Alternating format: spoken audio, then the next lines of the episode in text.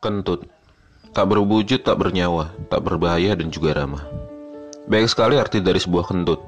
Bunyinya keras dia jujur, tak bersuara dia pemalu. Keluar semua dia berjiwa besar, setengah-setengah dia hemat. Kentut. Orang Inggris kentut bilang excuse me. Orang Amerika bilang pardon me. Orang Indonesia bilang not me, not me, gak ngaku. Terkadang ada yang berjiwa besar. Dia mengambil kentutnya dengan kepalan tangan Lalu menempelkan ke hidung temannya dan layaknya quotes Albert Einstein salah seorang ngegas. Tampol bego, ntar kebiasaan. Apanya yang lucu?